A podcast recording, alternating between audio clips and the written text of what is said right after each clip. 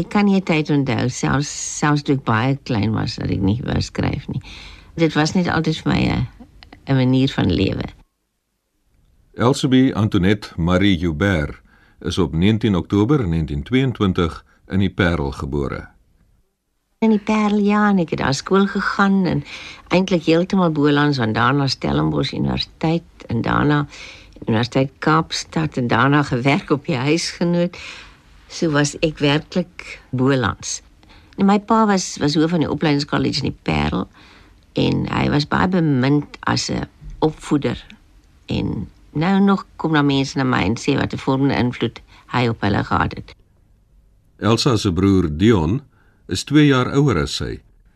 Ons het gewoon in die uh, in die Parel wat eintlik die bakermaat was van Afrikaans. Nou ek ek onthou vir al die 30er jare uh, toe Elsa nog uh, baie jonk was en dinge groot indruk op haar gemaak het.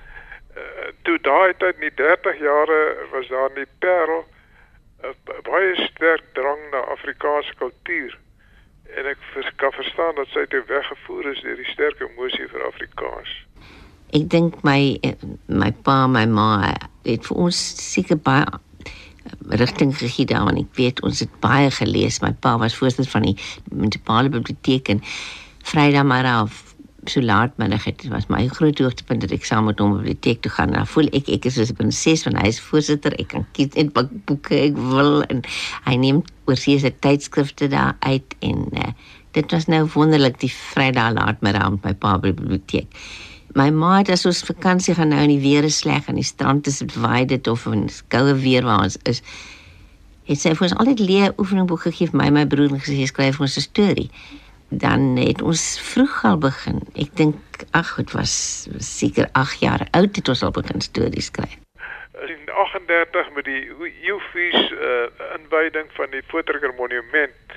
Oor toe was Elsa 16 jaar oud en ek onthou Elsa was soen toe saam met ander uh, skooliere van haar skool La Rochelle in die Parel. Toe sy terugkom by die bur het die burger gevra dat mense wat by die inhuldiging uh, was moes hulle indrukke eh, in 'n artikel uiteensit. Ek onthou Elsa het geskryf en dat sy die kompetisie gewen het en haar artikel was op die voorblad van die burger gewees. So Elsa het baie goed op skool gedoen. Ek dink staan dit af van sy eerste in die Kaap provinsie en in matriek was sy ek dink onder die eerste 5. Ek het dit was gevra, jy's so goed in al jou vakke, hoe kom dit jy nou jy's Afrikaans gekies as jy hoe vak op universiteit? en uh die vakke soos wiskunde of chemie en so aan en sy het altyd geantwoord dat niks haar so fascineer so tale en veral Afrikaans nie. In 1940 gaan Elsie Joubert na die Universiteit van Stellenbosch.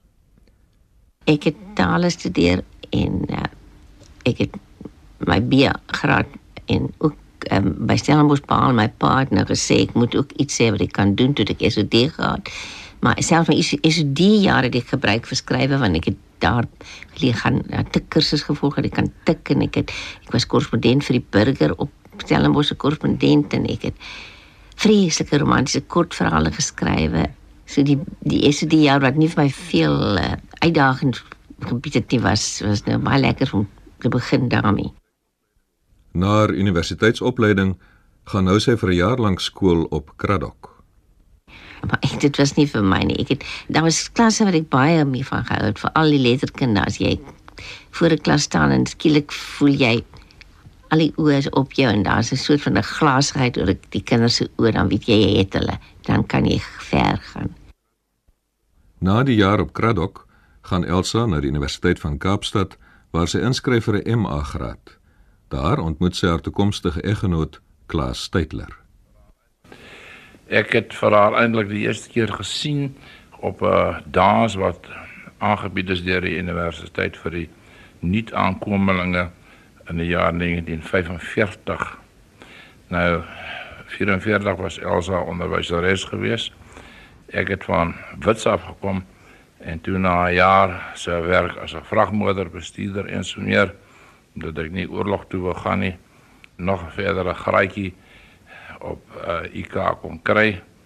En toe daarso by hierdie dans het ons al die nuwe nooiens raak gesien. En daar verskyn sy agter 'n groot pilaar in hierdie saal.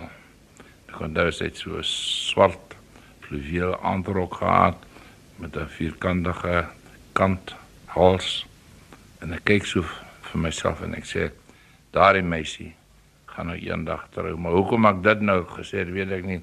Dit was maar bloot voorgevoelens.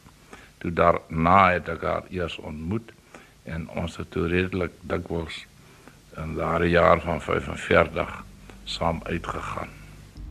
En uh, ek was daar uh, redakteur van die groot skuur dit was die studenteblad en ek weet hy het baie my my horisonne uitgebrei hy het byvoorbeeld T.S. Eliot vertaal in Afrikaans vir daai blad en ons het gestuur uitgawe aan T.S. Eliot en ek dink ons het 'n brief ook gekry en so uh, dit was opwindende jare jy weet dit is opwindend as jy saam self die letterkunde ontdek en die mense ontdek en so ons wou eers ons vlerke sprei ons daar was nie toesprake van sulke trou of sulke goed nie. Ons wou eers ons ons ons baie ingeperk gevoel in Suid-Afrika gedurende die Tweede Wêreldoorlog. Toe wou ons eers hy is Amerika toe op 'n vragskip vir 3 en hy 3 jaar weggebly. Ek is met die deur Afrika met die Nylboot op van die oorsprong van die Nyl tot by die mond en toe in Europa en ek het daar gewerk ook in Europa en hy het gewerk in Amerika en Kanada. En uh, toe ons mekaar daar ontmoet en toe ons baie interessante toe saam gehad wat ek nou nog dink heeltemal uh, iets spesiaals was ons is as af Suid-Afrikaanse joernaliste is ons met die lugbrug in na Berlyn dit was die tyd toe Berlyn totaal afgesny was deur die Russe en die Engelse uh, of ten minste die geallieerdes met per vliegtuig selfs steenkool ingery het. Ons is saam in na Berlyn in die uh, vliegkajuit van so 'n vliegtuig wat so 'n hoopie steenkool agter hom het. Dit was 'n wonderlike ervaring daai lugbrug. Dit is die basis van alle moderne vlieg vliegkuns van die presisie vlieg vlieg en, en daai tipe ding. Ja, want wel ons is toe einde 49 terug uit Europa saam met 'n hele klomp Hollandse immigrante aan 'n Hollandse skip en toe in vroeg 19 eintlik nie vroeg nie, dis 15 April 1950 is ons in die Parel getroud. Ek was altyd geïnteresseerd in reis gewees in uh toe ek met die oorsprong van die Nyl, die aand in die hotel, my tikmasjien uit aan my kamer. Die volgende nag sou die vrou my sê ek moenie weer laat nie nag tik nie want die die ander mense kla. Daar het ek skielik met 'n opwinding besef dat my twee liefdes reis en skrywe kan saamgaan. Toe begin ek my eerste reisverhaal daarso. Die reisverhaal Water en Woestyn het in 1956 die lig gesien.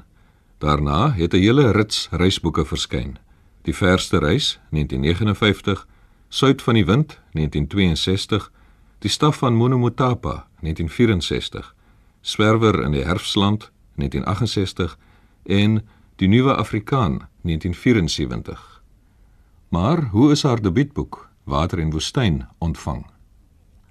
'n baie goeie reaksie in die sin dat die Afrikaanse boeke was almal toe nog oor boereplaas en patriargie en die boek het 'n baie goeie lewe by Engelse skole geniet wat mos Afrikaans doseer en hulle het dit hulle het gesê dit is bietjie beide die grense dit is 'n weg van die plaasroman en dit is hulle kon dit baie voorgeskryf gewees op Engelse skole veral omdat dit bietjie beide kant Suid-Afrika gaan kyk het Elsa Joubert se skrywerskollega en vriend Andre P Brink oordeel so oor haar reisboeke.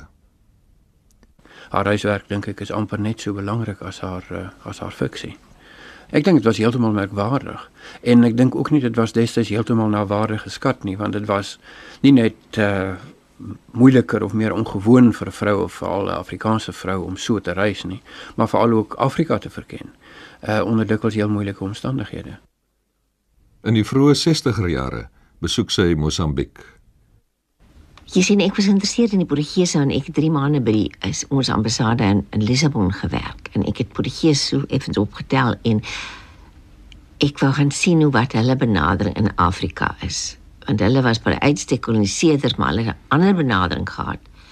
Wel dit wou ek gaan ondersoek of van nader beskou. Die Mosambiekse reis lei tot die reisverhaal Die staf van Monomotapa en die roman Bonga. Bonga was vir my uh, 'n simbool of 'n metafoor vir baie dinge wat in ons eie land toe kan gebeur was. Bonga was die seun van 'n inboorling vrou dink ek en ja, in 'n Portugese pa en hy daar was groot gevoel teen hom gewees en hy moes self stry om sy kind gedoop te kry in die kerk by Tet daar langs die Zambes en hy het groot verlange gehad na die geestesgoedere van die die Portugese en dit is hom nie gegee nie.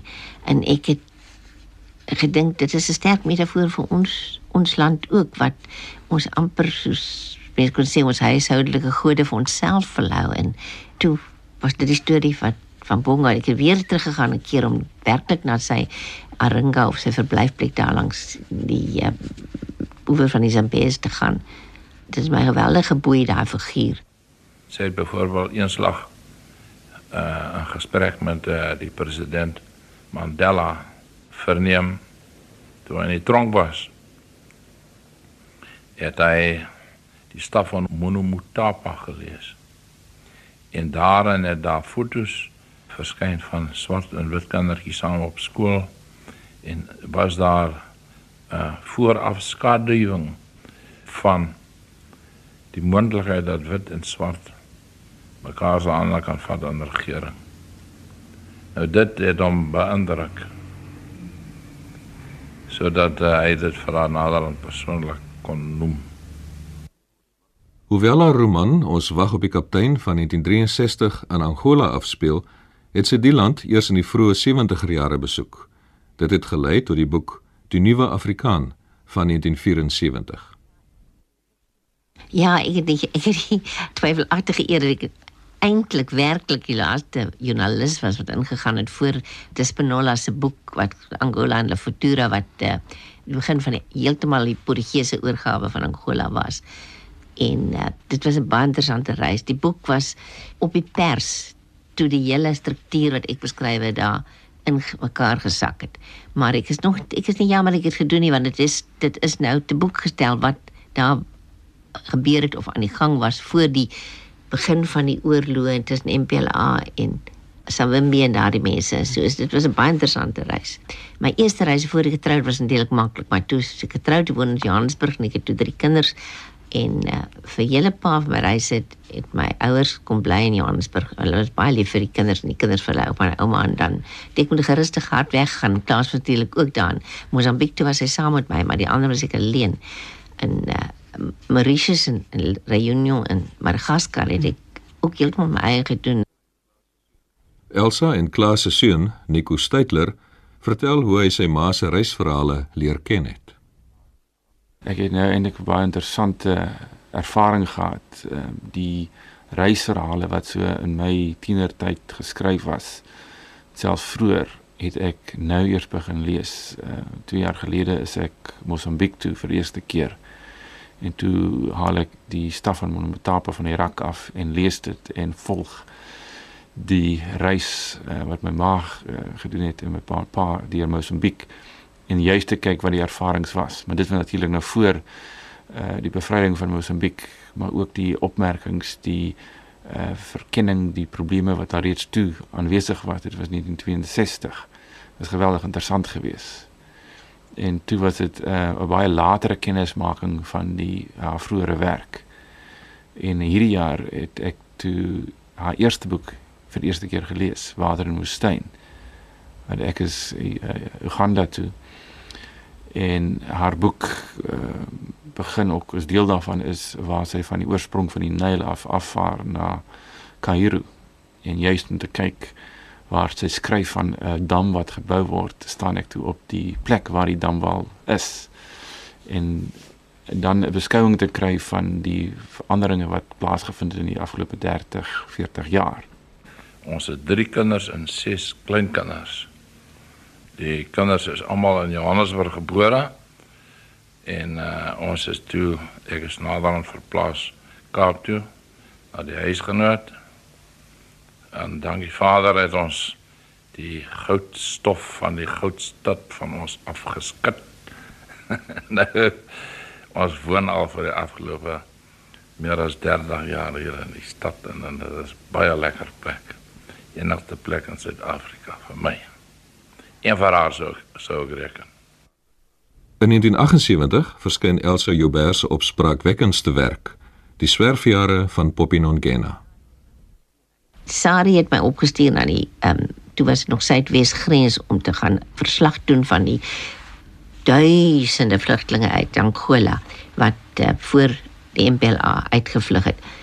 En uh, toe ek daar hierdie storie doen, toe begin ek besef maar ek is hom nou regtig maar gek in die kop. Ek gaan na al die lande buite ons eie land en ek doen navorsing daar en ek beskryf daai lande en my eie land is vir my heeltemal geslote boek want daai tyd was dit vir ons almal geslote. Toe gaan ek na die uitgewers en ek vra kan ek 'n reisboek oor Afrika, oor Suid-Afrika, oor die Republiek doen. So hulle baie gretig toe begin ek navorsing doen en en toe op 'n dag toe ontmoet ek vir die vrou wat Poppy sou wees. En toe haar storie vir my vertel in sy Afrikaans praat. Toe weet ek ek gaan nie 'n reisboek oor ons land skryf nie, maar ek gaan dit deur die persoon van hierdie vrou vertel. Want dit sê alles wat ek wou gesê het. Ek sê altyd vir jong skrywers, 'n ding kom nie net na jou toe aan nie. Dit word nie aan jou geskenk nie. Jy moet voorberei wees daarvoor. As ek nie die die navorsing vir die sogenaamde Suid-Afrika reisboek gedoen het, sou ek nie kon dadelik reageer op haar verhale en op en sou nie dadelik die pennie nie in die slot in die gleef geval het onmiddellik wat sy ook al sê vir my nie. So was ek goed voorberei. Ek dink nog dit was 'n was meer as as as kaas dat sy dit op daai tyd na my uitgestuur was. Ek dink dit was eintlik so bedoel. Dit is amper jammer dat ons nou 20 jaar later, mense kan amper nie glo dat dit al 20 jaar is nie. Moet erken dat met soveel wat sedertdien gebeur het, daardie boek so 'n bietjie teruggesak het. Uh hoewel dit 'n mylpaal en 'n baken in die Afrikaanse literatuur bly, maar dit is moeilik om vandag werklik nog na waarde te skat watter ontsaglike indruk dit destyds gemaak het. Dit het vir die Afrikaanse gemeenskap gedoen wat Ellen Payton se Cry the Beloved Country 20 30 jaar voor Poppy in die in die wêreldbewussyn aangerig het. Die manier waarop sy 'n swart mens en 'n swart vrou in die sentrum gestel het, werklik as 'n lewende en bovenal voelende mens om die lang reis, die geografiese reis wat Poppy moes aflê, maar dan veral die innerlike reis deur die hele landskap van apartheid te teken met 'n onbevangenheid sonder om bewustelik strydend of uh uh aanvallend aggressief op te tree, maar net met 'n vierkantige bewustheid van menswees. En die debatte natuurlik wat dit ontketen het het die indruk al verder laat uitsprei sodat geweldig baie mense dit gelees het en omdat dit Elsa se kenmerkende toon het wat 'n soort charme daaromtrent het wat hierdie hierdie rustige onpolemiese maar brandende eerlikheid het. Uh, het baie mense dit gelees en verteer wat miskien iets wat in 'n meer strydvaardige trant geskryf sou wees nie sou gedoen het nie. En op daardie manier dink ek het sy inderdaad baanbrekerswerk gedoen in die oopmaak van die Afrikaner bewussyn om wat sogenaamd die nuwe Afrikaner heet uh, voor te berei. Dit was dit was geweldig die reaksie. Ek meen mense bel my op in die oggend vroeg en hulle my nommer gekry en dan sê boer my in die Vrystaat, hy het elke oggend reis verby die lokasie elke maandagooggend sy kinders skool toe neem. Die lokasie was vir hom net 'n plek waar rook oor oorhang en iets aan die gang is maar wat weet hy nie hy sê hy ry die oggend by die lokasie en skielik is dit vir hom asof hy die mense daar ken asof hulle die mense vir hom mense geword het. Daar is maar een van baie baie baie baie storie 'n reaksie wat ek gekry het. Toe natuurlik toe dit nou op die verhoog gaan en en dit ook die land toe daar was baie opvoerings van Poppy. Die swerfjare van Poppy Nongena is in nie minder nie as 13 tale vertaal wel ek het self in Engels gedoen in Engeland het dit baie goed afgegaan in en dit was natuurlik in Portugees en Spaans en maar toe kry ek uit Argentinië hou hulle toe 'n boekeskou daarin die rol van die skrywer as verantwoordelike mense se samelewing en toe het hulle nogal poppie gevat vir die vir een van die groot voorbeeldboeke daarvan. Toe toe nooi hulle my om daar te kom praat. Toe was dit interessant. Hmm. Toe gaan klas saam en ons het interessante reis in Suid-Amerika gehad met Poppy as die afspringplek. So was Poppy die afspringplek van baie dinge vir my gewees. Dit was 'n baie aangename verblyf daar in eerste Buenos Aires. En toe was ons afgewees na die Commodore Rivadavia om die boere te gaan besoek. Om hierdie yskastaal wat vir nou ja, 80 jaar lank daar gelê het. Baie interessant gewees hoe jou jou jou taal op 'n sekere stadium behou gebly het. Nou ons het dit albei so gevind. Ons is na Chili gewees, Uruguay en Paraguay. Vroeger het ons na Rio toe ook gegaan vir 'n paar dae, maar wesentlik was dit die suidelike gedeelte van Suid-Amerika. Elsa het ons oor Borges ontmoet. En toe is ons daar by Borges en toe Borges nou hoor ons ons is van Suid-Afrika, het onmiddellik gereageer deur die woord trek en allerlei sulke kraal en so aan uh uit die onderbaadjie sak te haal wat die hy aan Kipling raak geloop. En hy het baie wyd gelees. Daarna was dit moeilik geweest. Ek het baie probeer slaag doen boeke tot ek eintlik gekom het by 10 3 jaar en 4 jaar daarna met die laaste Sondag wat nou weer gesprei het uit by Angola reis waar ek daai beleerde huise en kerke en goed gesien het en dit het my die idee gegee vir laaste Sondag. En ek het gevoel dat ek ek min almal weet dat ek so gevoel ek het gevoel die kerk moes 'n baie sterker rol gespeel het in plaas van die simboliese uh, heining staal heining om hom moes hy oop gegaan het en uh, ek voel dat ons kon baie eerder begin saamwerk het as die kerk die leiding gegee het in plaas van die party te volg. Na die roman Die laaste Sondag van 1983 waag sy in 1987 haar hand aan 'n kinderboek. Elsie Joubert se vriendin en destydse uitgewer Annerie van der Merwe vertel. Ons het baie goeie vriende geword. Wat nie met alle skrywers gebeur met wie mense saamwerk nie. Dit het meer as net 'n professionele verhouding geword.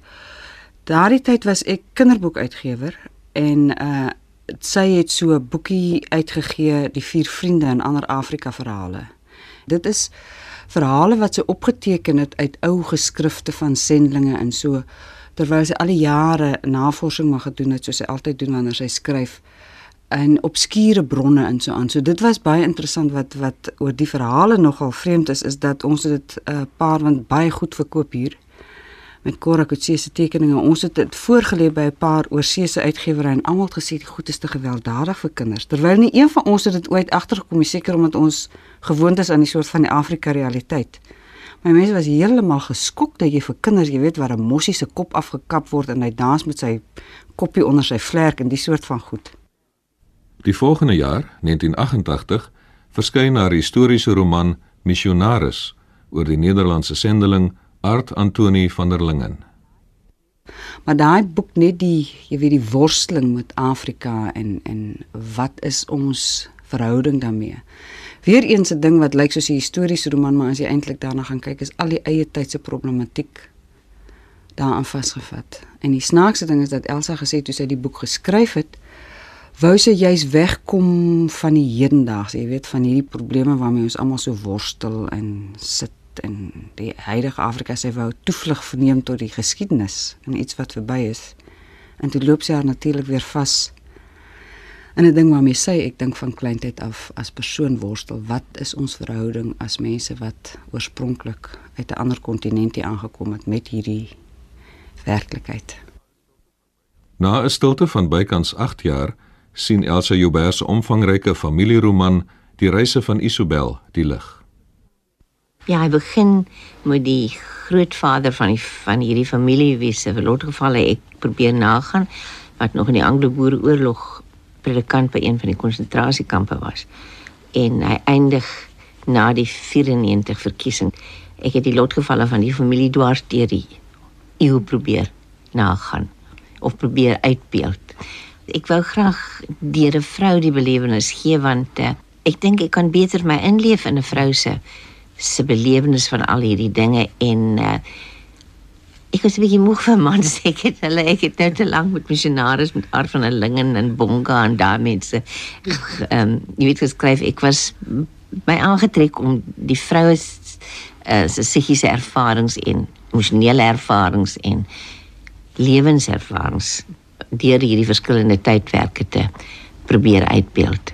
Dit was omdat ek myself wou helderheid kry. Ek wou vir myself want ek was baie intens Afrikaner en my oupa was self dis al wat werklik ehm um, nou in die werklikheid wat die werklikheid is dat my oupa self so predikant in so konsentrasiekamp was en hy en ek was baie goeie vriende en hy het my seker baie beïnvloed maar ek was baie ek het sterk gevoel oor die Afrikaner nasie die Afrikanerskap en die, en ek wou vir myself nagaan wat het dan verkeerd geloop waar het ons van die spoor gegaan waar het ons wat was ons krag wat was ons swakheid en dit was eintlik 'n persoonlike odyssee die hierdie reis deur die eeu want my herinnering strek terug tot by die boereoorlog. Jy weet nie my eie herinnering maar wat die oupas en oumas vertel het en nie. My man se ma was byvoorbeeld in een self as dogtertjie in een van die konsentrasiekampe en so ons ervaring strek terug daartoe. En ons natuurlik het die 94 verkiesing self beleef en ek wou ek wou net probeer myself helderheid kry, bestek op na maak van wat het dan in die eeu gebeur. Die Hertzogprys word in 1998 in haar 76ste jaar aan Elsa Joubert toegeken vir die reise van Isobel. 40 jaar na haar debuut met die reisverhaal Water en Woestyn. Haar seun, Nico Steitler. Ek dink die Hertzogprys was besonder belang vir haar. Dit is die een wat werklik op letterkunde konsentreer, die waarde van letterkunde. Daar is nie allerhande voorwaardes of ander oogmerke behalwe die oogmerk van goeie letterkunde wat dit nastreef nie. So vader is 'n geweldige uh, eer dat hierdie tyd van haar lewe dat sy dit kan kry en juis ook omdat dit haar bevestig in haar laaste werk, haar laaste roman as as die beste. Mense sê natuurlik dit moes vroeër gekom het en ek dink uh, daar's wel uh, Merite en so opmerking. Maar ek dink miskien kom dit 'n geweldige geleentheid dit wat sy skryf is relevant, is goed en dat dit nou 'n aansporing is om verder te gaan en, en verder te skryf. En sy het inderdaad sedert die verskyning van die reise van Isobel 'n nuwe reisverhaal geskryf. Die keer oor 'n besoek aan Indonesië. Sy noem dit Gordel van Smarag, 'n reis met Leipold.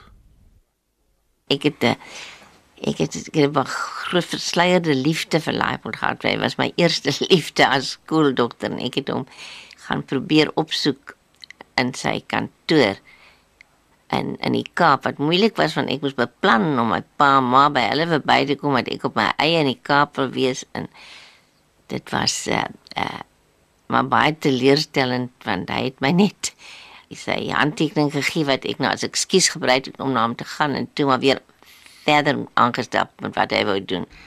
Hy het my glad nie erken as die sielevriendin wat ek gedink het ek vir hom is nie. Of ek dink ek was 14 jaar oud of so. Klaas Steitler, Elsa se man, is sedert sy uittrede as joernalis ook 'n voltydse romanskrywer. Hoe werk dit? Twee skrywers onder een dak.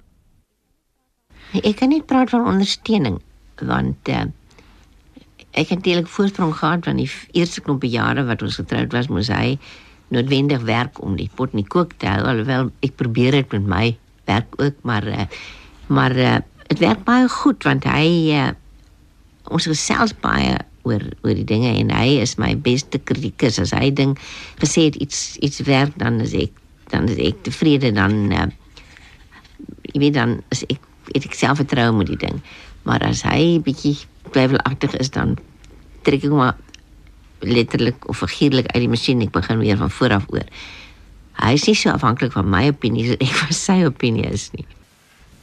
Mens weet nie hoe dit anders sou gewees het met 'n ander lewensmaat nie, maar hierdie soort van 'n literêre verbintenis saam met die huwelik die werk baie goed maar hy werk ook op een grondslag en dit is die van vryheid. Van die begin van ons huwelik af het ek vra gesê jy is 'n vry mens, jy doen wat jy wil. Ek staan geensins in jou pad nie. Nou uh, sê nou maar dieselfde vraag self gesê. Ek doen wat ek wil. En uh, op daardie grondslag uh die van wederwysige toekenning van vryheid. Ek dinge sluk wel wat anders. Klop dis boom vorentoe gegaan. Ek voel ek het nog baie min gedoen. Ek voel as nog ek sou baie meer wou gedoen het. Ek dink nie 'n skrywer is nooit tevrede met wat hy wat hy agter die rug het nie. Hy hy reik altyd maar nog na iets vooruit. Reeds in 1959 het sy die rigsnoer van haar lewe soos volg verwoord: Daar is nog soveel om te sien, soveel om te doen. Alles wat vreemd is op die landkaart lok my. Maar ek weet, die verste reis wat 'n mens kan maak, is van mens tot mens deur die hart.